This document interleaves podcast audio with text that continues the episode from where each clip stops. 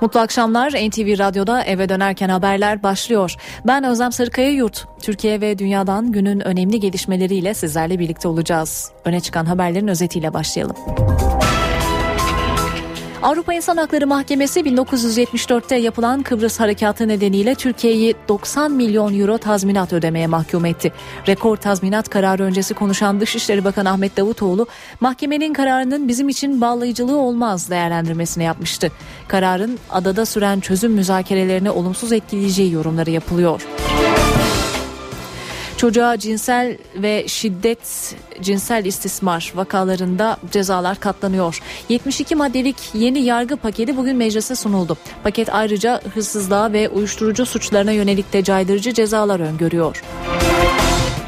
İstanbul'da bugün Avrasya Maratonu'nu andıran görüntüler vardı. Mecidiyeköy'deki bir kaza nedeniyle trafik felç oldu. Vatandaş köprü üzerinde araçlardan indi, yürüyerek kıta değiştirdi.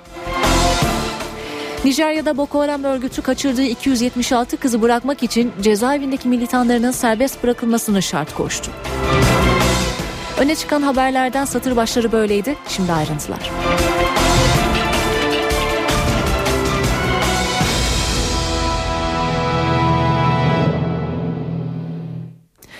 Çocuğa şiddet ve cinsel istismar vakalarında cezalar katlanıyor. 72 maddelik yeni yargı paketi bugün meclise sunuldu. Paket ayrıca hırsızlığa ve uyuşturucu suçlarına yönelik de caydırıcı cezalar öngörüyor. Konuyla ilgili ayrıntıları şimdi dinleyelim.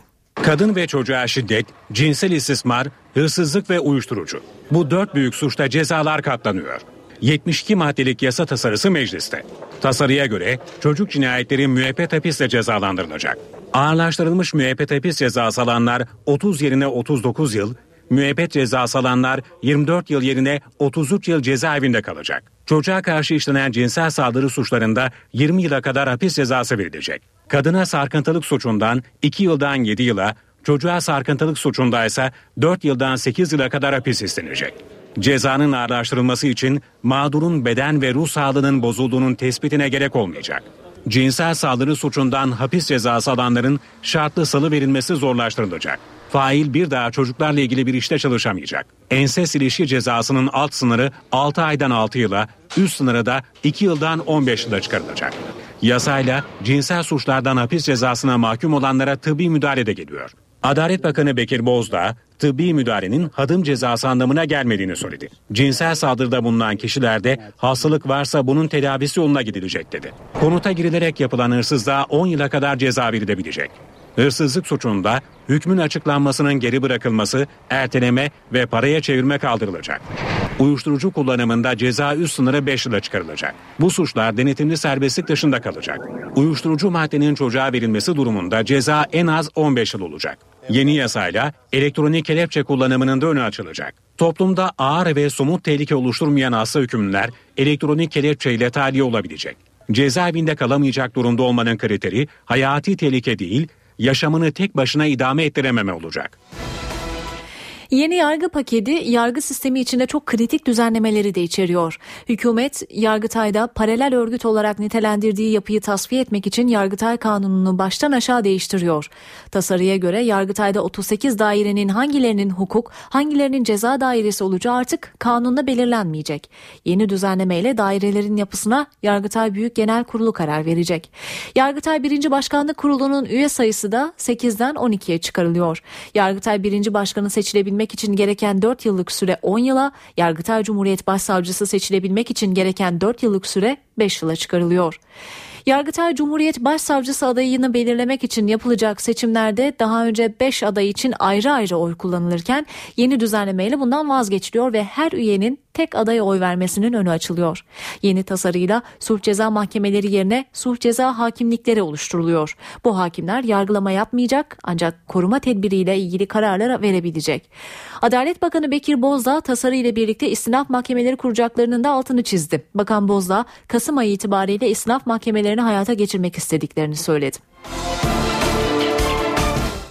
Yine meclisten bir haber. CHP lideri Kemal Kılıçdaroğlu'na yumruk atan zanlının 3 sabıkası olduğu halde meclise nasıl girdiği sorusuna Meclis Başkan Vekili Sadık Yakut yanıt verdi. Başkan Vekili Yakut zanlının şüphe çekmediği için GBT'sine bakılmadığını söyledi.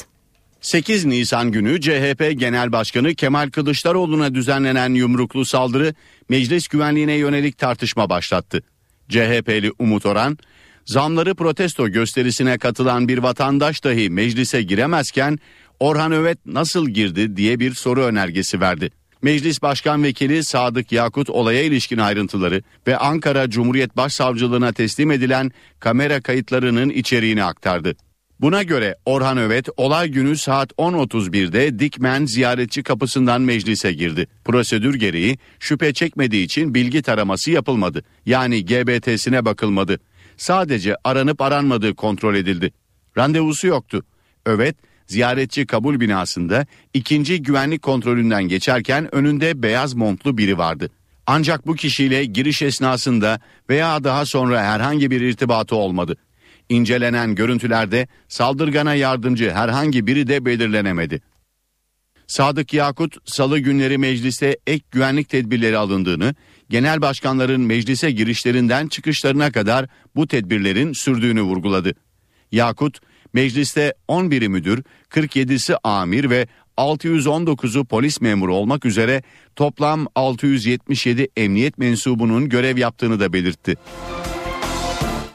Eskişehir'deki Gezi Parkı olayları sırasında dövülerek öldürülen Ali İsmail Korkmaz'la ilgili davanın ikinci duruşması görülüyor. Güvenlik nedeniyle Kayseri'de yapılan duruşmayı izlemeye gidenler polisin 3 ayrı noktada arama yapmasına tepki gösterince kısa süreli arbede çıktı. Görüşmelerin ardından arama noktası kaldırıldı. Anne ve baba Korkmaz mahkeme salonuna oğullarının fotoğraflarıyla alkışlar arasında girdiler.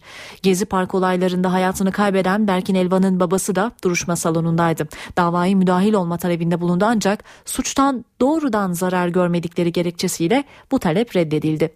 Ali İsmail'in abi Gürkan Korkmaz yargılama çok iyi gidiyor. Umarız süreç bu yıl biter. Failleri, sanıkları en ağır ceza ile yüz yüze kalır dedi. Sanık polis memuru hakkında müebbet hapis, 3'ü polis 7 sanık içinse 15 yıla kadar hapis cezası talep ediliyor. Şanlıurfa'da iki aşiret arasındaki yarım asırlık kan davası BDP'nin girişimleriyle barışla sonuçlandı.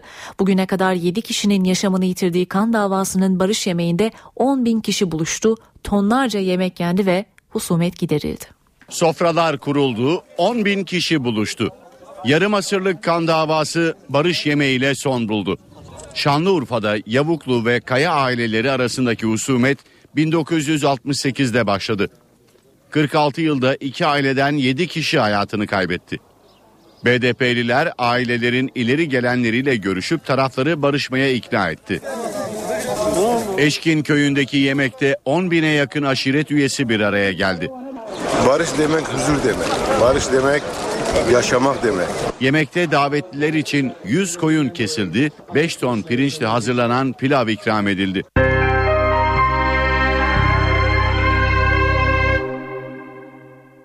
Avrupa İnsan Hakları Mahkemesi 1974'teki Kıbrıs Barış Harekatı'na ilişkin Türkiye'yi 90 milyon euro tazminat ödemeye mahkum etti.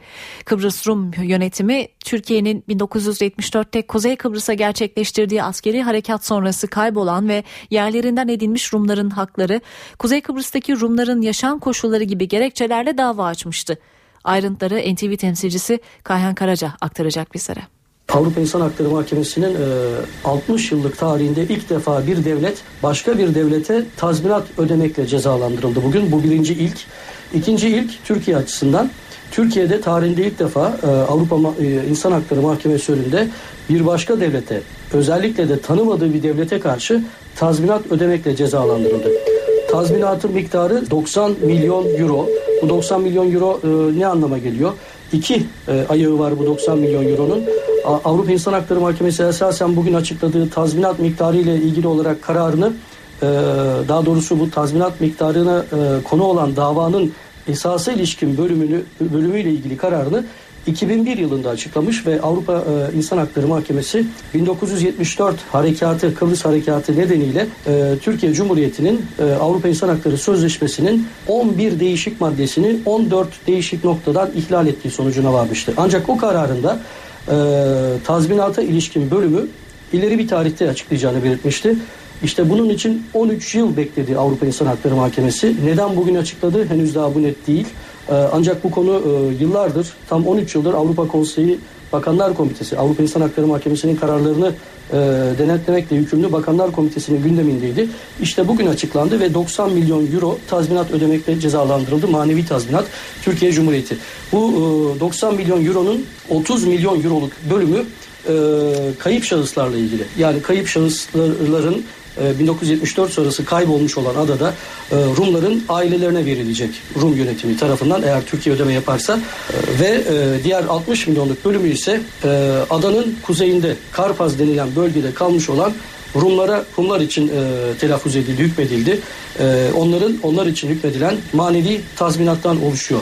Rum yönetiminin e, karardan öğrendiğimiz üzere Rum yönetimi 2012 yılında Avrupa İnsan Hakları Mahkemesi'ne bir başvuruda bulunup sadece e, kayıp şahıslar ve e, Karpas'taki Rumlarla ilgili e, manevi tazminat talebinde bulunmuş.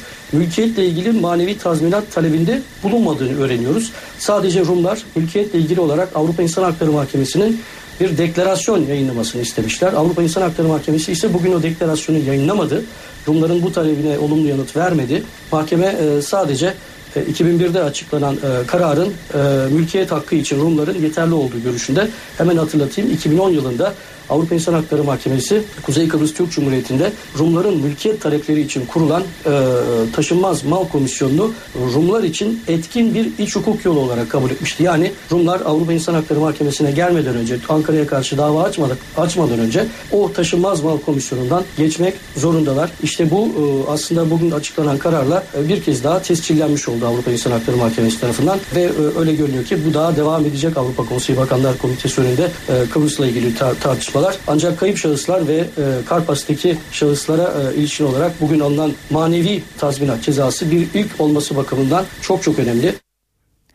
Dışişleri Bakanı Ahmet Davutoğlu karar açıklanmadan önce tepkisini ortaya koydu. Kararın Türkiye açısından bağlayıcı olmadığını belirtti. Bu yönde bir karar barış müzakereleri atmosferine uygun değil dedi. Ahim'de yürüyen davalar konusunda Türkiye her zaman yine ilkesel pozisyonunu sürdürmüştür. Bu dava, bu bahsettiğiniz dava ise 10 yıldır neredeyse gündemde olmadan tekrar gündeme getirildi. Ee, ve kesinlikle e, uluslararası hukuk bağlamında da ahim çerçevesindeki kurallar açısından da ne bağlayıcıdır ne de bizim açımızdan bir kıymet ifade eder. Bu karar e, alınacak olursa tabii bu Kıbrıs barış müzakereleri e, konusunda da şu ana kadar gelinen ve oluşan psikolojik olumlu atmosferi de uyumlu değildir. Bunu ifade etmek isterim. Peki tazminat kararı adadaki çözüm görüşmelerini nasıl etkiler? Kültür Üniversitesi'nden Profesör Mensur Akgün'ün bu konudaki yorumunu dinleyeceğiz. 90 milyon euro Kıbrıs gibi bir sorun için çok büyük bir para değil. Yani biz milyarlarca e, dolarlık, euroluk e, bir e, kullanım kaybından dolan zarardan bahsediyoruz. Bu çok çok çok müthiş bir şey olduğunu söylemek mümkün değil. Ama tabii şimdi bunun doğuracağı bir takım siyasi sonuçlar mutlaka olacak. Yani buna Türkiye nasıl şekilde tepki gösterecek? E, birinci e, bilinmez bu. Sanıyorum kararın yani gerekçesi açıklandıktan sonra bu konuda bir e, şey olacak ama benim görebildiğim kadarıyla Türkiye'nin bu parayı ödemesi mümkün değil. E, şu sebep iki sebepten dolayı mümkün değil. Bir tanesi daha önceden bireysel başvurular açısından da sıkıntı çıkmıştı. O yüzden mümkün değil. İkincisi de yani devlete ödeyeceksiniz bu parayı ama yani karşınızdaki devleti tanımıyorsunuz. Yani tanımadığınız bir devlete ve daha doğrusu bir rejime e, bu parayı ödemeniz bir takım sıkıntılar doğuracağı benziyor. Ve bu iki şey olabilir benim görebildiğim kadarıyla. Ya çözüm sürecini çok zorlaştırır. Karşı tarafın e, e, ısrarına ve tutumuna bağlı olarak yani Rum tarafının ısrarına ve tutumuna bağlı olarak eğer bir zafer kazandıklarını düşünecek olurlarsa zorlaştırır. Yahut da yani bu para ancak çözümden sonra ödenebileceği düşünülürse veyahut da bir kısmı veya nasıl olursa bilmiyorum yani üzerindeki modaliteleri tartışılır tabii ki. O belki de çözüm sürecini daha çabuklaştıracak bir şey de olabilir. Ancak yani her iki uç nokta içinde kesin bir şey söylemek için sanıyorum zaman çok erken. Sıcak bir gelişmeyi aktaralım. Doğan Haber Ajansı Adana'da yasa dışı dinleme davasında yurt dışına çıkış yasağı getirilen sanık polislerin tutuklanma talebinin reddedildiğini duyurdu.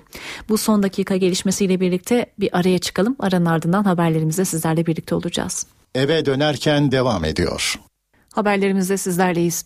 Hava kuvvetlerinin envanterine dev bir nakliye uçağı girdi. Kayseri'de Cumhurbaşkanı'nın da katıldığı törende tanıtılan Atlas adlı uçak hiç yakıt ikmali yapmadan Kayseri'den Amerika kıtasına uçabiliyor. Gerektiğinde seyyar hastaneye de dönüştürülebiliyor. Bu uçaklardan ilerleyen yıllarda 9 tane daha alınacak. Huzurlarınızda Atlas. Türk Hava Kuvvetleri'nin en yeni ve en büyük uçağı Atlas. Türkiye'nin de aralarında bulunduğu 6 ülke tarafından ortak üretilen yeni nesil nakliye uçağı envantere girdi. Kayseri'deki törene Cumhurbaşkanı Abdullah Gül, Genelkurmay Başkanı Necdet Özel ve Hava Kuvvetleri Komutanı Akın Öztürk katıldı.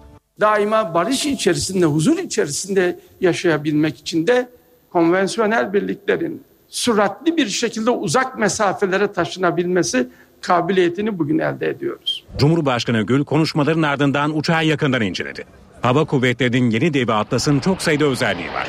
Dev nakliye uçağının 37 tonluk kargosunu bulundurduğu bölüm işte burası 116 asker tam teçhizatlı olarak binlerce kilometre öteye bu uçakla taşınabiliyor. Atlas'ın dev kargo bölümüne bir tank, iki atak helikopterini sığdırmak mümkün. A400 Emin komuta kontrol merkezi kokpiti son teknolojiyle donatılmış durumda ve bu teknoloji sayesinde bu dev nakliye uçağı çok kısa pistlere, aydınlatılmamış pistlere de rahatlıkla inebiliyor. Dört motorlu uçağın azami menzili 9000 kilometre. Yeni Atlas, yakıt ikmali yapmadan Kayseri'den Amerika kıtasına kadar uçabiliyor. Üretiminde Türk savunma sanayinin %7'lik payı olan uçaklardan Türkiye 9 tane daha alacak.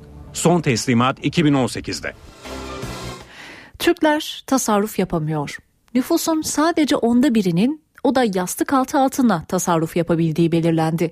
Gelişmekte olan ülkeler arasında bu oran çok düşük. Hindistan'da tasarruf oranı ise %38 düzeyinde. Türkiye'de son bir yılda vatandaşların sadece %11'i yatırım yapabildi. Yatırım yapabilenlerin en yoğun tercihi hala yastık altına. Yatırımların %60'ı da altın. Bu tespitler Gümrük ve Ticaret Bakanlığı'nın yatırım ve tasarruf araştırmasının sonuçlarından. Araştırmaya göre vatandaşlar yatırımlarını altından sonra en çok vadeli hesap açarak değerlendiriyor. Vadeli hesaba yatırım yapanların oranı %18'e yakın. Borsa, repo ve tahvil ise yatırım tercihinde son sırada. Vatandaşların %10'u ise sürekli kredi kartı borçlusu. Türkiye gelişmekte olan ülkeler arasında en az tasarruf oranına sahip ülke. Gelişmekte olan ülkelerde ortalama tasarruf oranı %33. Tasarruf oranı Çin'de %50, Hindistan'da ise %38 düzeyinde. Ekonomi yönetimi düşük tasarruf oranlarına dikkat çekerek son dönemde önemli düzenlemeler yaptı. Bireysel emekliliğe katılımı arttırmak ve mevduatta vadeyi uzatmak için bazı teşvikler çıkarıldı. Bu adımlarla %13'lerde olan tasarruf oranının ilk etapta %16'ya çıkarılması hedefleniyor. Halk arasında Titan zinciri olarak anılan piramit satış sistemi yasaklanıyor. Türkiye'de yaklaşık 1 milyon kişiyi mağdur eden sistem yeni tüketici yasası ile birlikte 28 Mayıs'tan itibaren yasak olacak. Vatandaşa gerçekçi olmayan vaatlerde bulunanlara çok ağır cezai yaptırımlar uygulanacak. Titan, Saadet Zinciri gibi isimlerle anılan piramit satış sistemi yasaklanıyor. 28 Mayıs'tan sonra gerçekçi olmayan vaatlerle satış yapanlara ağır cezalar geliyor. Yeni tüketici yasası yasal boşluk nedeniyle uzun yıllardır uygulanan ve Türkiye'de yaklaşık 1 milyon kişiyi mağdur eden piramit satış sistemini de düzenliyor. Yasanın 80. maddesi piramit satış sisteminin kurulması, yayılması veya tavsiye edilmesini yasaklıyor. Düzenleme para ve mal varlığı kazanma ümidi veren ancak gerçekleşmesi çok güç olan eylemleri dolandırıcılık kapsamına alıyor. Benzer koşullardaki internet firmaları da yasaklılar kapsamında yer alacak. Piramit satış sistemi 1990'lı yıllarda ortaya çıktı. Türkiye sistemi ilk olarak 1998 yılında Titan ismiyle duydu. Binlerce kişiyi milyonlarca lira dolandıran firma yetkilileri 10 yıl hapis cezasına çarptırıldı.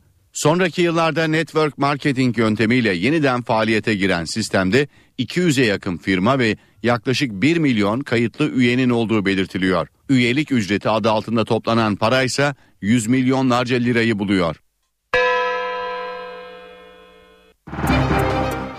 Para ve sermaye piyasalarındaki işlemleri aktaracağız şimdi.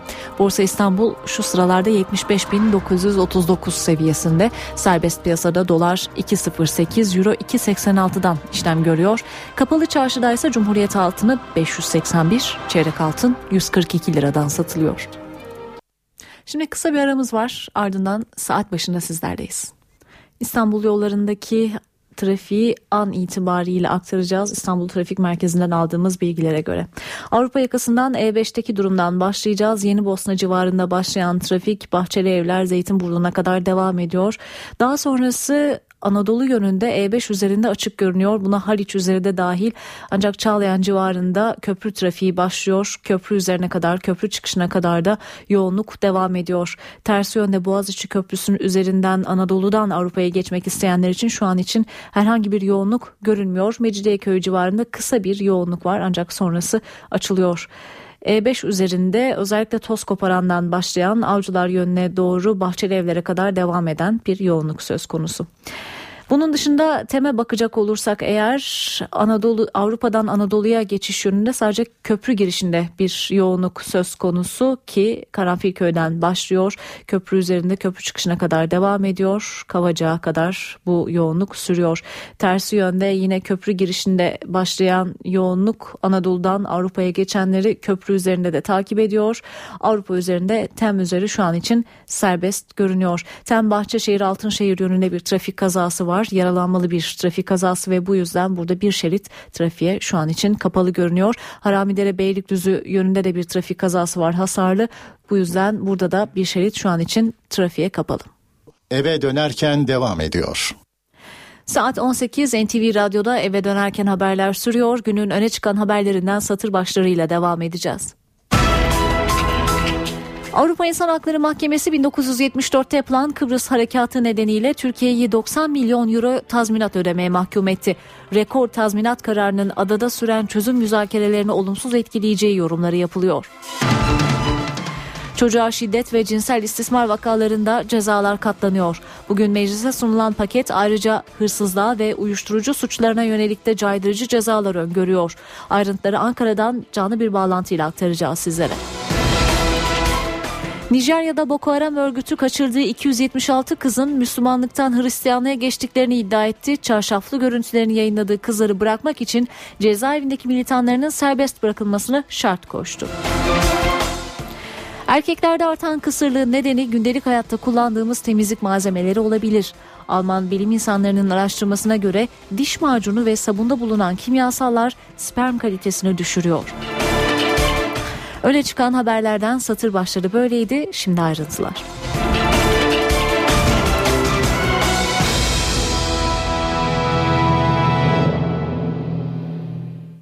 Günün öne çıkan haberi Avrupa İnsan Hakları Mahkemesi 1974'te yapılan Kıbrıs Harekatı nedeniyle Türkiye'yi 90 milyon euro tazminat ödemeye mahkum etti.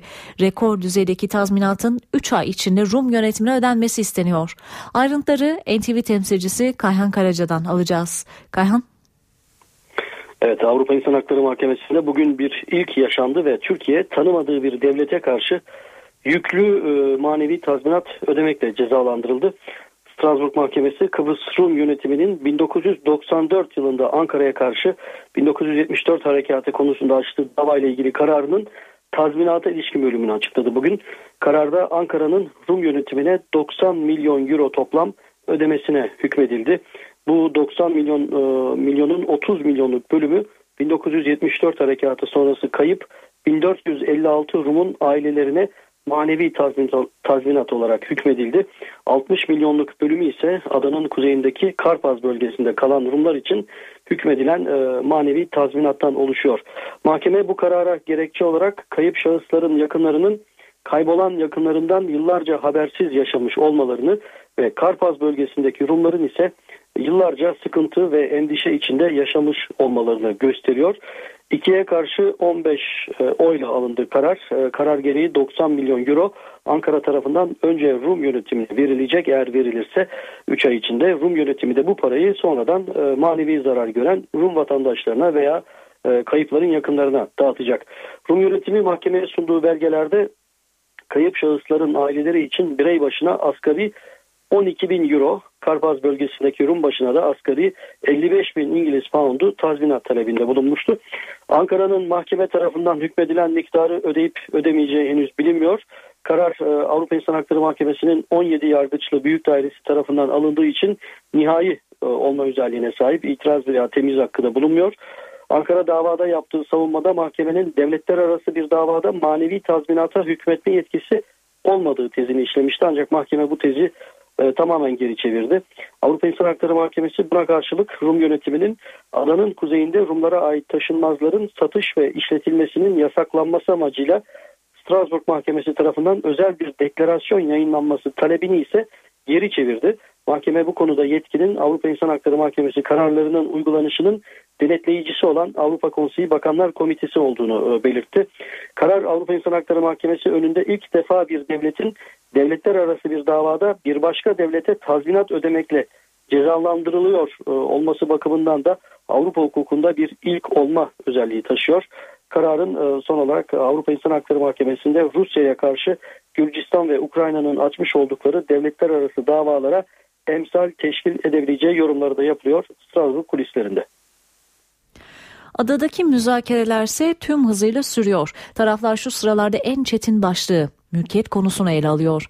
Sancılı geçen müzakerelere ivme kazandırma ve katkıda bulunmak amacıyla Amerika Birleşik Devletleri Başkan Yardımcısı Joe Biden 21-23 Mayıs tarihleri arasında Lefkoşa'ya gidecek. Biden'ın gidişi Lefkoşa'ya 52 yıl sonra Washington'dan en üst düzeyde ziyaret olacak.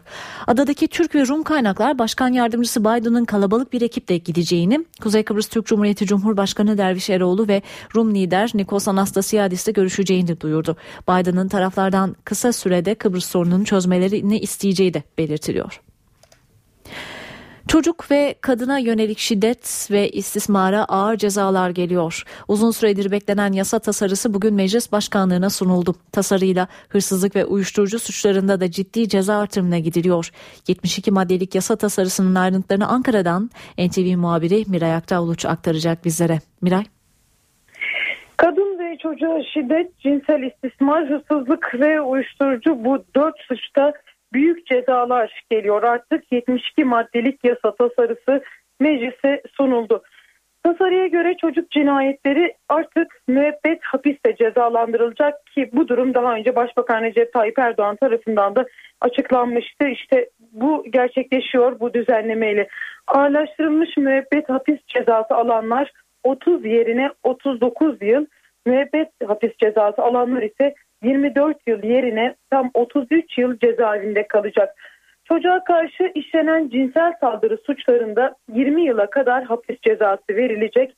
Kadına sarkıntılık suçunda 2 yıldan 7 yıla, çocuğa sarkıntılık suçunda ise 4 yıldan 8 yıla kadar hapis istenecek. Cezanın ağırlaştırılması için mağdurun beden ve ruh sağlığının bozulduğunun tespitine gerek olmayacak bundan böyle ve cinsel saldırı suçundan hapis cezası alanların şartlı salı verilmesi bundan böyle zorlaşacak. Fail bir daha çocuklarla ilgili bir işte çalışamayacak ensest ilişki cezasının alt sınırda 6 aydan 6 yıla üst sınırı ise 2 yıldan tam 15 yıla çıkacak düzenlemeyle. Yasayla cinsel suçlardan hapis cezasına mahkum olanlara tıbbi müdahale de geliyor. Açıklamayı Adalet Bakanı Bekir Bozdağ yaptı ve tıbbi müdahalenin hadım cezası anlamına gelmediğini söyledi. Cinsel saldırıda bulunan kişilerde hastalık varsa bunun tedavisi yoluna gidilecek dedi bakan ve konuta girilerek yapılan hırsızlığa 10 yıla kadar ceza verilecek. Hırsızlık suçunda hükmün açıklanmasının geri bırakılması, erteleme ve paraya çevirme kaldırılacak düzenlemeyle uyuşturucu kullanımında ceza üst sınırı 5 yıla çıkacak. Bu suçlar denetimli serbestlik dışında kalacak ve uyuşturucu maddenin çocuğa verilmesi durumunda ceza en az 15 yıl olacak. Bunlarla da sınırlı değil düzenleme yeni yasayla elektronik kelepçe kullanımının da önü açılıyor ve toplumda ağır ve somut tehlike oluşturmayan hasta hükümlüler elektronik kelepçeyle tahliye olabilecekler. Cezaevinde kalamayacak durumda olmanın kriteri ise hayati tehlike değil yaşamını tek başına idame ettirememe olacak. Yeni düzenlemenin ayrıntıları bu şekilde ve uzun zamandır merak ediyordu. Bugün Adalet Bakanı Bekir Bozdağ da konuya ilişkin bir bilgilendirme yaptı gazetecilere e, ve bu düzenleme işte bu değişikliklerle Türkiye Büyük Millet Meclisi'ne sunuldu. Miray yargı sisteminde de değişiklikler öngörüyor bu paket. Bununla ilgili olarak yüksek yargıda özellikle nasıl değişiklikler öngörülmekte? Adalet Bakanlığı'nın hazırladığı tasarıyla Yargıtay Kanunu da baştan aşağı değişiyor ve tasarıya göre Yargıtay'da 38 dairenin hangilerinin hukuk, hangilerinin ceza dairesi olacağına Yargıtay Büyük Genel Kurulu karar verecek. Yargıtay 1. Başkanlık Kurulu'nun üye sayısı 8'den 12'ye çıkartılıyor. E, Yargıtay Genel Sekreteri seçilebilmek için de 5 yıllık kıdem şartı getirecek. Yargıtay Başkanı seçilmek için de bu sürede bir değişiklik var. Gereken süre 4 yıldan 10 yıla çıkıyor. Yargıtay Cumhuriyet Başsavcısı olmak için de 4 yıldan 5 yıla, Yargıtay Başkan Vekili ve Cumhuriyet Başsavcı Vekili için de 3 yıldan 5 yıla çıkartılıyor. Yargıtay Cumhuriyet Başsavcısı adayı belirlemek için yapılacak seçimlerde daha önce 5 aday için ayrı ayrı oy, kullanılıyordu. Ee, bu yeni düzenlemeyle her üye tek adaya oy verebilecek. Bu düzenlemelerin hükümetin Yargıtay'da paralel yapı olarak nitelendirdiği yapıyı tasfiye etmeyi amaçladığı da belirtiliyor. Hükümetin paralel yapı iddiaları ile ilgili attığı adımlardan biri olarak değerlendirilebilir bu. Yeni düzenlemeyle suç ceza mahkemeleri yerine suç ceza hakimlikleri oluşturuyor. Bu hakimler yargılama yapamayacak bu anlama geliyor. Ancak koruma tedbirleriyle ilgili kararlar verebilecekler. Uygulamayla özellikle kadın cinayetlerinde koruma tedbiri taleplerinin hızla sonuçlandırılması hedefleniyor ve tasarıyla e, bölge idare mahkemelerinin hem sayısı azaltılıyor hem de idari yapısı değiştiriliyor. Böylece bölge idare mahkemelerinde en az bir idare ve bir vergi dairesi bulunacak. Düzenlemeyle Danıştay'ın iş yükünün hafifletilmesi de tabii planlanıyor ve Danıştay'ın iştihat mahkemesi rolünün ön plana çıkartılması hedefleniyor. İdari yargıda ivedi yargılama usulü de getiriliyor bu düzenlemeyle ve acele kamulaştırma işlemleri, ihaleden yasaklama kararları hariç ihale işlemleri ve özelleştirme yüksek kurul kararlarında artık ivedi yargılama devreye girecek son derece önemli düzenlemelerin olduğu e, bu paketin önümüzdeki günlerde meclis gündemine de gelmesini bekliyoruz. Miray teşekkürler. Değerli dinleyenler PKK'nın şehir yapılanması KCK'nın basın komitesine yönelik açılan 7'si tutuklu 46 sanığın yargılandığı davada tutuklu tüm sanıklar tahliye edildi. Özel yetkili mahkemelerin kaldırılmasının ardından davaya bakmakla görevlendirilen İstanbul 3. Ağır Ceza Mahkemesi dosya üzerinden aylık tutukluluk incelemesi yaptı. Mahkeme heyeti sanıkların tutuklu kaldıkları süre ve savunmalarının alınmış olmasını da dikkate alıp tahliyeye hükmetti. Böylece İstanbul'da görülen KCK davalarında tutuklu sanık kalmadı. Eskişehir'deki Gezi Parkı olayları sırasında dövülerek öldürülen Ali İsmail Korkmaz'la ilgili davanın ikinci duruşması görülüyor. Güvenlik nedeniyle Kayseri'de yapılan duruşmayı izlemeye gidenler polisin 3 ayrı noktada arama yapmasına tepki gösterince kısa süreli arbede çıktı. Görüşmelerin ardından arama noktası kaldırıldı. Anne ve baba Korkmaz mahkeme salonuna oğullarının fotoğraflarıyla alkışlar arasından girdiler. Gezi Parkı olaylarında hayatını kaybeden Berkin Elvan'ın babası da duruşma salonundaydı. Bu davaya müdahil olma talebi talebinde bulundu ancak suçtan doğrudan zarar görmedikleri gerekçesiyle bu talep reddedildi. Ali İsmail'in abi Gürkan Korkmaz yargılama çok iyi gidiyor. Umarız süreç bu yıl biter. Failleri, sanıkları en ağır cezayla yüz yüze kalır dedi. Sanık polis memuru hakkında müebbet hapis, 3'ü polis 7 sanık içinse 15 yıla kadar hapis cezası talep ediliyor. Değerli dinleyenler şimdi kısa bir aramız var ardından haberlerimize tekrar sizlerleyiz eve dönerken devam ediyor.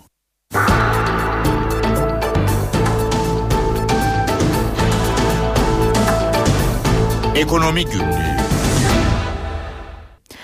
Türk halkının yatırım ve tasarruf eğilimi araştırıldı. Çıkan sonuç Türklerin tasarruf yapmadığını ortaya koydu. Buna göre sadece 10 kişiden biri tasarruf yapıyor ve bunu yaparken de altını tercih ediyor.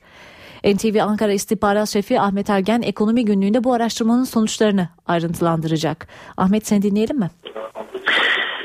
Araştırmanın sonuçlarını aktaracağız ama belki ondan önce e, durumun daha net anlaşılması açısından ekonomi yönetiminin tasarruf oranları açısından Türkiye'nin durumunu ortaya koyan başka bulgularını aktarmakta fayda var.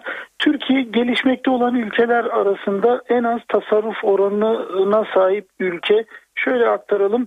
Gelişmekte olan ülkeler ortalaması tasarruf açısından %33. Bu oran Çin'de %50, Hindistan'da %38'e kadar çıkıyor. Türkiye'ye baktığımızda ise 2013 itibariyle tasarruf oranı %12,6. Ee, ekonomi yönetimi daha önce hatırlanacağı gibi tasarruf oranlarını artırmak için bireysel emekliliği teşvik edici düzenlemeler yapmış. Yine mevduatta vadeyi uzatmak için bazı önlemler almıştı ve bu önlemlerle ilk etapta tasarruf oranlarının 1,5 puan artırılması gibi bir hedef ortaya konmuştu. Orta vadeli programda tasarrufu artırmayı temel hedef olarak ortaya koyup hazırlanmıştı. %16'ya yine ilk etapta tasarruf oranlarını çıkarmak gibi bir hedef olduğunu da söyleyelim. Gümrük ve Ticaret Bakanlığı bütün bu bulguların e, üstünden e, vatandaşların yatırım tasarruf alışkanlıklarını araştırdı ve yatırım ve tasarruftan daha çok harcama eğilimi olduğu görüldü. Yatırım e, açısından baktığımızda son bir yılda yatırım yapan, tasarruf yapabilenlerin oranı sadece yüzde 11 ve yatırım yapanların hala en yoğun tercihi yastık altına ve altın olarak değerlendirme yönünde. Yatırımların yüzde 60,5'i altın, ikinci sırada vadeli hesap açanlar var. Vadeli hesaba yatırım yapanların oranı da yüzde 17,8, borsa repo tahvil ise son sırada. Yine önemli bir not vatandaşların %10'u sürekli kredi kartı borçlusu olarak yaşıyor bakanlığın araştırmasına göre. Ahmet Ergen'e teşekkür ediyoruz. Halk arasında Titan zinciri olarak anılan piramit satış sistemi yasaklanıyor. Türkiye'de yaklaşık 1 milyon kişiyi mağdur eden sistem yeni tüketici yasası ile birlikte 28 Mayıs'tan itibaren yasak olacak. Vatandaşa gerçekçi olmayan vaatlerde bulunanlara çok ağır cezai yaptırımlar uygulanacak.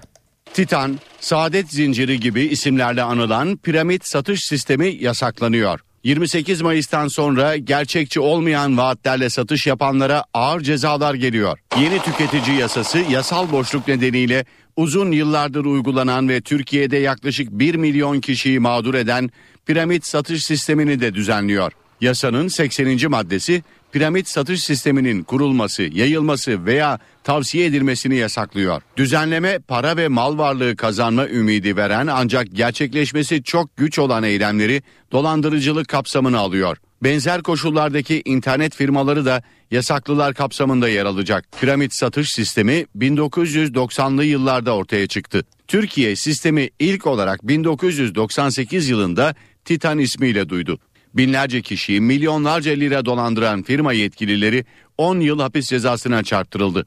Sonraki yıllarda network marketing yöntemiyle yeniden faaliyete giren sistemde 200'e yakın firma ve yaklaşık 1 milyon kayıtlı üyenin olduğu belirtiliyor. Üyelik ücreti adı altında toplanan para ise 100 milyonlarca lirayı buluyor.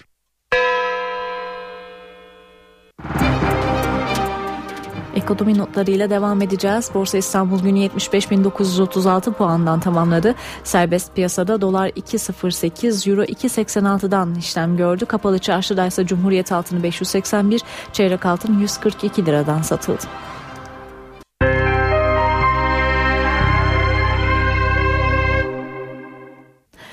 İstanbul'da bu sabah Mecidiyeköy'de meydana gelen bir kaza nedeniyle trafik kilitlendi. İşe gitmek için yola çıkan vatandaşlar trafik durunca araçlarından inip Boğaziçi Köprüsü'nü yürüyerek geçmek zorunda kaldı. Mecidiyeköy'de minibüs kaza yaptı, 3 saatte çekilemedi. İş yerlerine geç kalan İstanbullular köprüyü yürüyerek geçti. Ya karşıya kadar geçin oradan bir işte bakarsınız. Binin abici binin. Kaza sabah 6.40'da meydana geldi. Servis minibüsü D100 Karayolu Mecidiyeköy sapağında bariyerlere çarptı, aksı kırıldı. Burhaniye'den Burhaniye'den veriyoruz. Biliyorum ve bekliyorum. Neredesiniz? Ben köprünün çıkışındayım. Beni de alın. Yola yağ döküldü. Aradan saatler geçmesine rağmen müdahale edilmeyince de kent trafiği felç oldu. Bir saattir şuradayız 20 metre gitmedik. Anadolu yakasından Avrupa'ya geçişler neredeyse durdu. Seferler aksayınca İstanbullular metrobüslerden inip Boğaz Köprüsü'nde yürümeye başladı. Şahane yürümek güzel oluyor. Köprü. Değil mi? Manzara evet. güzel. Avrasya Maratonu kalabalığını andıran görüntüler ortaya çıktı. İstanbullular bu sıra dışı günde köprüde hatıra fotoğrafı da çektirdi. Kazaya müdahale edildiğinde saat 10.30'a yaklaşıyordu. Anadolu yakasında uzun araç kuyrukları saatlerce sürdü. Sıradan bir kaza haftanın ilk iş gününde İstanbul'un trafiğini kilitledi. Boş otobüs ne zaman gelecek? Çok katlı otoparkın hangi noktasında boşluk var? Mühendisler, yazılımcılar İstanbulluların trafik sorununu rahatlatmak için masaya oturdular. Avrupa Birliği destekli projede öneriler havada uçuştu. Masa başında koltuklarda iki büklüm uyuyup sabahladılar. Trafik yoğunluğuna çare bulmaya çalıştılar. Yazılımcılar İstanbul'da bir araya geldi. Sürücülerin, yolcuların hayatını kolaylaştıracak cep telefonu uygulamaları geliştirmeye çalıştı. Bizim asıl sistemimiz otoparkta kişilerin cep telefonu ile ödeme yapabilmesi. İnsanlar arabasını bırakıp gittikten ve daha sonra geri döndükten sonra arabalarını bulmalarını sağlayacak rotalar da çiziyoruz. Arabanın yerini kaydederek özellikle katlı otoparklarda bunun çok lazım olduğunu düşünüyorum. Metrobüs hattındaki yoğunluk nedeniyle zaman zaman araca binmek bile çok zor. Geliştirilmeye çalışılan bu uygulamayla boş otobüsün ne zaman geleceği cep telefonundan görülecek. Bir Avrupa Birliği projesi olan bu yarışmaya Hekotonist adı verildi. İstanbul Büyükşehir Belediyesi de projeyi destekliyor. Daha akıllı hareket edebilecek hale getirebiliriz İstanbul'u. Bunun için bir fırsat var. Bunu dünyanın bütün şehirleri artık yapmaya başlıyor. Özellikle büyük metropoller buna e, soyundular. Üniversite sınavında ikinci adım lisans yerleştirme sınavına bir aydan az bir zaman kaldı. Sırada sınava girecek öğrencilere uzmanlardan tavsiyeler, uyarılar var. Son bir ayın kalması nedeniyle stresimiz de iyice artıyor. Yani böyle artık köşeye sıkışmış gibi hissediyorum. Ve e, üstümüzdeki baskıyı daha fazla hissedebiliyoruz. Bedenen 18 yaşındayım ama ruhen kendimi çok yaşlanmış, çok yorgun, çok stresli hissediyorum. Lisans yerleştirme sınavına son bir ay kaldı. Öğrenciler yaklaşan sınav öncesinde stresli. Öğrenciler son haftaları eksik konuları tamamlayarak ve soru çözerek değerlendiriyor. Soru çözme sayıları da arttı mı mesela günde ya da haftada ne kadar soru çözüyorsunuz? Okulun yaptığı programa göre soruları çözüyoruz. E, günlük 300-500 arasında değişiyor. Son bir ay kala daha fazla, daha çok test çözmeye çalışıyoruz. Eksiklerimizi kapatmaya çalışıyoruz. Konu hazırlığını çok iyi yapmaları lazım. Yani konu eksiği olmadan sınava girmeleri lazım. LGS, YGS'ye göre daha zor bir sınav, daha bilgi içerikli bir sınav. Dolayısıyla olabildiğince konu çalışmak, olabildiğince bilgi yorumlamayı öğrenmek bu süreç için en önemli tavsiyemiz olacak. Sınava hazırlık için internet siteleri de atak yaptı. Öğrenciler eksik konularını konu anlatılmış sitelerden gideriyor. Kaçırdığım dersler olursa veya o an anlamamışsam eğer giriyorum herhangi bir konu anlatım sitesine. Belli başlı siteler var zaten. Oralardan yardım alıyorum yani çok da verimli oluyor benim için. Şifrelerimiz var. İstediğimiz zaman gidip oradan e, ders tekrarlarını izleyebiliyoruz, konu anlatımlarını. Faydalı oluyor. İstanbul'da son günlerdeki yağışlar su seviyesini sadece %1 oranında arttırdı. İstanbul'un su ihtiyacını karşılayan barajlardaki su miktarı son yılların en düşük seviyesinde. 10 barajdan sadece ikisinde su seviyesi %50'nin üzerinde. 8 barajda doluluk oranı %30'un altında.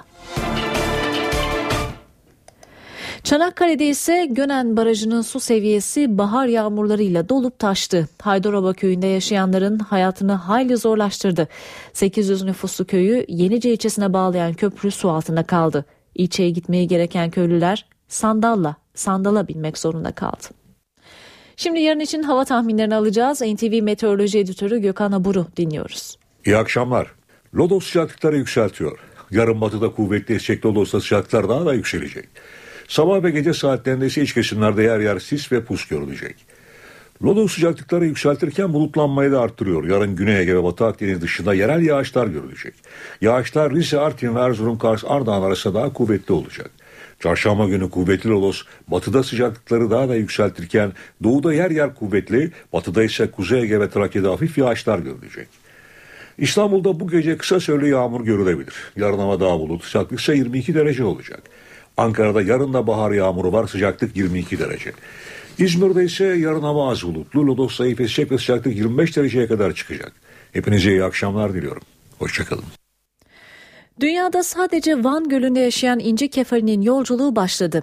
İnci kefalleri tuzlu sudan tatlı suya ulaşabilmek için Van Gölü'ne akan akarsuların ağzında bekliyor. Ardından akıntıya karşı zorlu yolculuk başlıyor. Çok sayıda meraklı bu göçün izlenebildiği Muradiye'deki Bendimahi çayına akın etti. İnci kefalleri suyun sakinleştiği uygun noktalara yumurtalarını bırakıyor.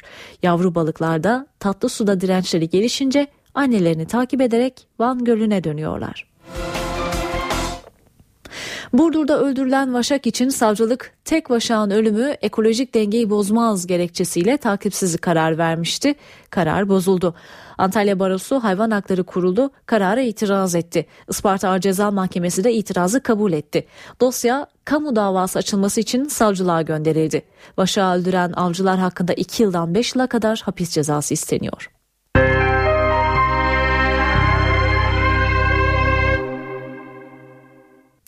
Saat 18.29 öne çıkan haberlerin satır başlarını hatırlatacağız. Türkiye tanımadığı ülkeye tazminat ödemeye mahkum oldu. Avrupa İnsan Hakları Mahkemesi Türkiye'yi 1974'te yapılan Kıbrıs Barış Harekatı nedeniyle Rum tarafına 90 milyon euro tazminat ödemeye mahkum etti. Tazminatın 30 milyon eurosu harekat sonrası kaybolanların ailelerine, geri kalan 60 milyon euro ise Kuzey Kıbrıs'taki Karpaz Yarımadası'nda kalan Rumlara verilecek. Eskişehir'deki Gezi Parkı eylemleri sırasında dövülerek öldürülen Ali İsmail Korkmaz'la ilgili davanın ikinci duruşması görülüyor. Duruşmada tanık Semih Yapıcı zanlıları teşhis etti. Yapıcı, Ali İsmail'in fırıncılar tarafından önü kesildi, yere düştü, ardından oradaki herkes tarafından darp edildi dedi. Ev arkadaşı ise Ali İsmail'in sürekli polis ve siviller dövdü, başıma cop ve tekmeyle vurdular diye aynı şeyleri tekrarladığını söyledi. Danıştay töreninde yaşanan gerginliğin ardından CHP Genel Başkan Yardımcısı Faruk Loğlu'nun Barolar Birliği Başkanı Metin Feyzioğlu'nu eleştirmesi polemik konusu oldu. CHP Grup Başkan Vekili Akif Hamza Çebi, Loğlu'nun açıklamaları için kişisel görüşüdür, partimiz aynı fikirde değil, biz Feyzioğlu'nun konuşmalarının doğru olduğunu düşünüyoruz dedi. Nijerya'da Boko Haram örgütü kaçırdığı 276 kızı bırakmak için cezaevindeki militanlarının serbest bırakılmasını şart koştu. Öne çıkan satır başları böyleydi. Eve dönerken haberler devam ediyor.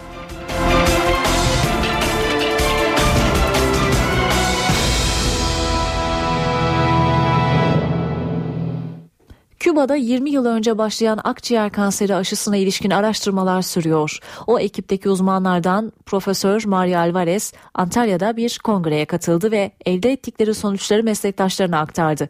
Ama onun anlattıkları Türk bilim adamlarını tatmin etmedi. NTV muhabiri Sibel Atasoy Akciğer Kanseri Derneği Başkanı Ufuk Yılmaz'la konuştu. 176 hasta üzerinde yapılan çalışmada aşı ömrü 2 ay uzattı. Kübalı uzman kanser aşısını anlattı. Türk bilim adamları ise aşı çalışmalarının geldiği aşamadan tatmin olmadı. Küba'da yürütülen akciğer kanseri aşısı araştırmalarına ilişkin ayrıntılar Antalya'daki kongrede açıklandı. Ekipteki Kübalı doktora göre aşı bağışıklık sistemini uyarıyor. Kemoterapinin faydalı olduğu durumlarda hastalığı yavaşlatabiliyor. Aşı var olan tedavilere ek olarak uygulanıyor. Araştırma faz 3 aşamasında 2 ay aralıklarla 5 doz sonra da ayda bir vurulmak üzere yapılıyor. 10 yıl kullanan hastalar var yan etkisi yok. Türk bilim adamları ise aşıya karşı temkinli. Faz 3 çalışması hala devam ediyorsa bu henüz standart bir tedavi, standart uygulanabilir hale gelmiş bir tedavi olmadığının işaretidir. Güvenilir bir şekilde tamamlanmamış e, bir e, yönteme onay verilmiş. Dünyada erkeklerde artan kısırlığın nedeni temizlik malzemeleri olabilir. Alman bilim insanlarının araştırmasına göre diş macunu, sabun ve deterjanda bulunan kimyasallar sperm kalitesini düşürüyor. Sabun, diş macunu, güneş kremi, temizlik malzemeleri ve plastik. Her gün sıkça kullanılan bu ürünlerin içerdiği kimyasallar erkeklerde açıklanamayan kısırlığın nedeni olabilir. Alman bilim insanlarının yaptığı araştırma ilk kez bu kimyasalların sperm kalitesini düşürdüğünü ortaya koydu. Araştırmaya göre evde yaygın olarak kullanılan her üç kimyasaldan biri sperm verimini olumsuz etkiliyor. Bu kimyasalların vücuda aynı anda girmesi ise etkiyi katlayarak arttırıyor. Araştırmacılara göre evde bulunan 96 kimyasaldan 30'u sakıncalı. Bu kimyasalların her gün ağız ya da deri yoluyla vücuda girdiği vurgulanıyor. Araştırmacılara göre söz konusu kimyasallar spermin yumurtayı döllemesi için elzem olan enzimleri erken salgılamasına neden oluyor. Sperm böylece kısır hale geliyor. Uzmanlar son 50 yılda erkeklerdeki sperm sayısının %50 azaldığına dikkat çekiyor. Araştırma sonucunda Avrupa'da bazı kimyasal ürünlerin kullanımına yasak veya kısıtlama getirilmesi gündemde. Şimdi kısa bir ara ardından tekrar sizlerleyiz. Eve dönerken devam ediyor. Eve dönerken haberler sürüyor. Nijerya'da aşırı dinci Boko Haram örgütü kaçırdığı 276 kızın görüntülerini yayınladı. Çarşaf giydirilen kızların çoğunun Hristiyanlıktan İslamiyet'e geçtiğini iddia eden örgüt onları serbest bırakmak için cezaevindeki militanlarının serbest bırakılmasını şart koştu. Nijerya'da geçen ay kaçırılan yatılı okuyan 276 kız öğrenciyi kaçıran Boko Haram örgütünün yayınladığı görüntülerde kızların hepsinin çarşaflı olması dikkat çekiyor. Kayıtta konuşan 3 Hristiyan kızdan ikisi Müslümanlığı seçtiklerini belirtiyor. Üçüncüsü ise zaten Müslüman olduğunu kaydediyor. Kızlardan biri kendilerine zarar verilmediğini de söylüyor. Hristiyan olan kızların İslamiyet'i seçtiğini açıklayan Boko Haram, cezaevlerindeki militanları serbest bırakılana kadar kızların rehin tutulacağını duyurdu. Örgüt 14 Nisan'da çoğu Hristiyan olduğu düşünülen bir okuldaki 276 kız çocuğunu kaçırmış ve onları köle pazarında satmakla tehdit etmişti. Kızların nerede olduğu ile ilgili iddialarsa muhtelif. Kızların hala Nijerya'da olduğunu belirten Borno eyaleti valisi nerede olduklarına ilişkin bilgiyi orduya aktardığını söyledi. Ordu da kızların bulundukları düşünülen Kamerun, Çad ve Nijer sınır bölgesine asker gönderdi. Amerika Birleşik Devletleri ve İngiltere'nin ardından İsrail'de kızların bulunması amacıyla Nijerya'ya bir ekip gönderiyor.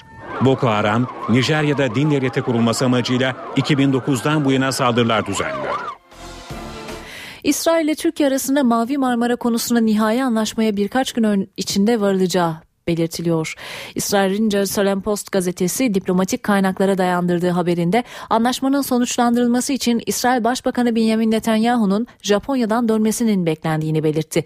Netanyahu Cuma günü İsrail'e dönecek. İsrail'in 30 Mayıs 2010'da Mavi Marmara'daki baskında hayatını kaybeden 9 Türk'ün ailelerine 21 milyon dolar tazminat ödeyeceği ifade ediliyor. Anlaşma sonrası iki ülke arasındaki ilişkilerin normalleşmesi bekleniyor. Almanya'da 8'i Türk 10 kişi öldüren neonazi davasında ifade verecek muhbirlerden biri daha hayatını kaybetti. Muhbirin gizli şeker nedeniyle öldüğü açıklandı. Geçen ayda bir başka muhbir ölü bulunmuş yine gizli şeker açıklaması yapılmıştı. Bu davayla ilgili polise ifade vereceğini açıklayan başka bir tanıksa otoparkta yanmış arabasının içinde ölü bulunmuştu. Türkiye Avrupa Nükleer Araştırma Merkezi CERN'e ortak üye oluyor. Üyelik anlaşması Enerji Bakanı Tener Yıldız'ın da katıldığı törenle bugün İsviçre'deki CERN merkezinde imzalandı. Meclisin onayıyla yürürlüğe girecek anlaşmayla Türkiye CERN'e yapacağı maddi katkı oranında kurum ihalelerinden pay alabilecek. Türkiye ayrıca CERN'de Türk bilim adamları ve personeli de kadrolu olarak çalıştırabilecek. İsviçre Fransa arasındaki CERN kütüphanesinin kampüsünde dünyanın en büyük parçacık fiziği laboratuvarı bulunuyor. CERN'de 2012 2012 yılında evrenin yapı taşını oluşturduğu düşünülen tanrı parçacığı bir diğer adıyla Higgs bozonu keşfedilmişti. Ukrayna Rus yanlılarının ülkenin doğusunda düzenledikleri referandumu kınadı, Rusya ise sonucu saygıyla karşıladığını duyurdu. Ukrayna Geçici Devlet Başkanı Alexander Turchinov, terörist ayrılıkçıların referandum olarak niteledikleri maskaralığın cinayet, adam kaçırma, şiddet ve diğer suçları örtbas etmeye amaçlayan bir propaganda olduğunu söyledi. Kremlin'den yapılan açıklamada ise referandum sonuçlarının barışçıl şekilde uygulanması gerektiği belirtildi. Donetsk ve Luhansk kentlerinin Rusya'ya ilhak edilmesi bir hedef olmadığı dile getirildi. Moskova, Kiev'e Rusya yanlılarıyla diyaloğa girme çağrısı yaptı.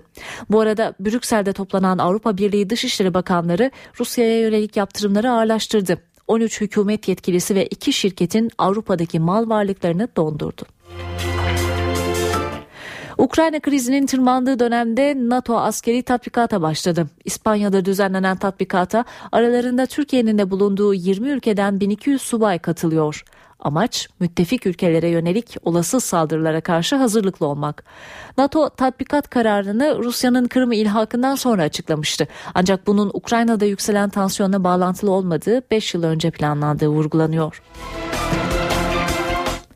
Çin'de fırtına ve sağanak yağmur afete dönüştü. 20 kişinin ölümüne neden oldu. Ülkenin güneybatı ve orta kesimlerini etkisi altına alan şiddetli yağış ardında yıkım bıraktı. Yaklaşık 2000 araç sular altında kaldı. Uçak seferleri iptal edildi bölgeye elektrik verilemiyor. Yağışların önümüzdeki haftada sürmesi bekleniyor. Arama kurtarma ekipleri bölge halkını tahliyeye çalışıyor. Birleşik Arap Emirlikleri'nin Etihad Hava Yolları şimdi lüks suitleri uçuruyor. Airbus A380 model uçaklara yapılan 10 metrekarelik lüks suitlerde havada sınırsız konfor arayanlar için her şey var. Çift kişilik yatak, deri koltuklar ve mini barın yanı sıra özel bir hizmetçi de tahsis ediliyor. Bu lüksün bedeli ise Abu Dhabi'den Londra'ya seyahat halinde 21 bin dolar. Yani yaklaşık 44 bin lira. Beyaz Perde'nin klasiklerinden Scarface filminin çekildiği villa satışa çıktı. Kaliforniya'daki lüks villa için 35 milyon dolar isteniyor. Pasifik Okyanusu'na bakan villa Oliver Stone'un filminde kullanılmıştı. Kübalı mülteci Tony Montana'nın suç dünyasında yükselişini ve düşüşünü konu alan Scarface sinema tarihinin en iyi yapımlarından biri olarak kabul ediliyor.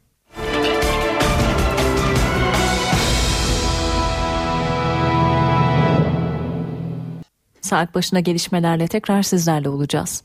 Eve dönerken devam ediyor. Saat 19 eve dönerken haberlerde günün öne çıkan başlıklarını aktaracağız. Çocuğa şiddet ve cinsel istismar vakalarında cezalar katlanıyor. 72 maddelik yeni yargı paketi bugün meclise sunuldu. Hırsızlığa ve uyuşturucu suçlarına yönelik de caydırıcı cezalar öngören paket Yargıtay Kanunu'nda baştan aşağı değiştiriyor.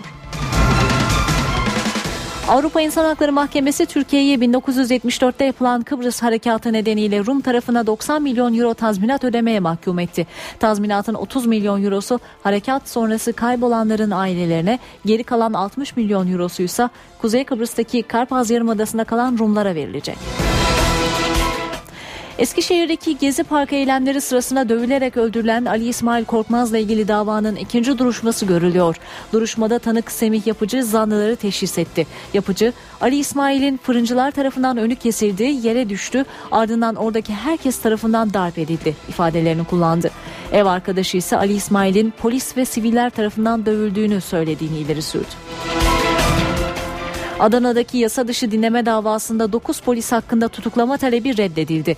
Doğan Haber Ajansı'nın haberine göre savcılığın polisler hakkında 47'şer yıl hapis cezası sistemiyle hazırladığı iddianame kabul edildi. 8. Ağır Ceza Mahkemesi 9 polis hakkındaki tutuklama talebini reddetti. Sanıklara yurt dışına çıkış yasağı getirdi. KCK basın davasında tutuklu yargılanan 7 gazeteci serbest bırakıldı. Böylece 46 kişinin yargılandığı davada tutuklu sanık kalmadı. 17 Mayıs'ta İstanbul'da düzenlenecek bir müzayedede Latife Hanım'ın eşi Atatürk'e boşanma sırasına yazdığı mektup satışa çıkarılacak. Mektupta Latife Hanım'ın ben bugüne kadar olduğu gibi bundan sonra da leh ve aleyhte hiçbir kelime sarf etmeyeceğim ifadeleri yer alıyor. Nijerya'da Boko Haram örgütü kaçırdığı 276 kızı bırakmak için cezaevindeki militanlarını serbest bırakılmasını şart koştu. İtalya'nın Lampedusa adası açıklarında yaklaşık 200 göçmeni taşıyan tekne battı. Ölü ya da yaralı sayısına ilişkin henüz bilgi yok.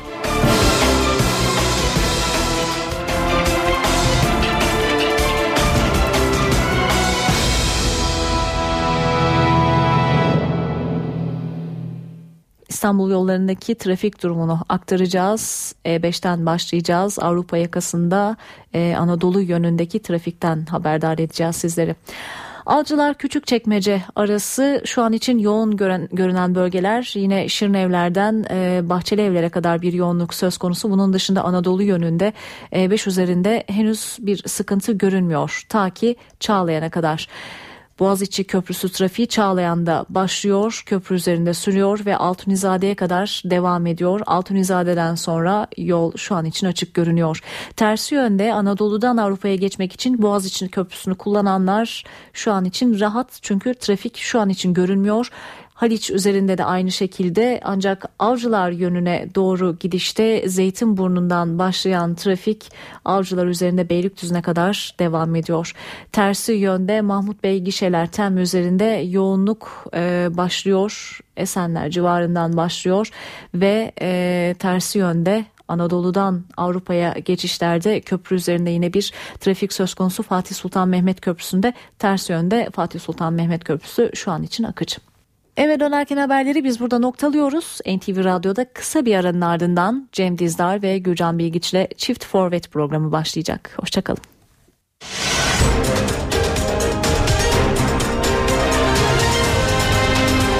NTV Radyo, Türkiye'nin haber radyosu.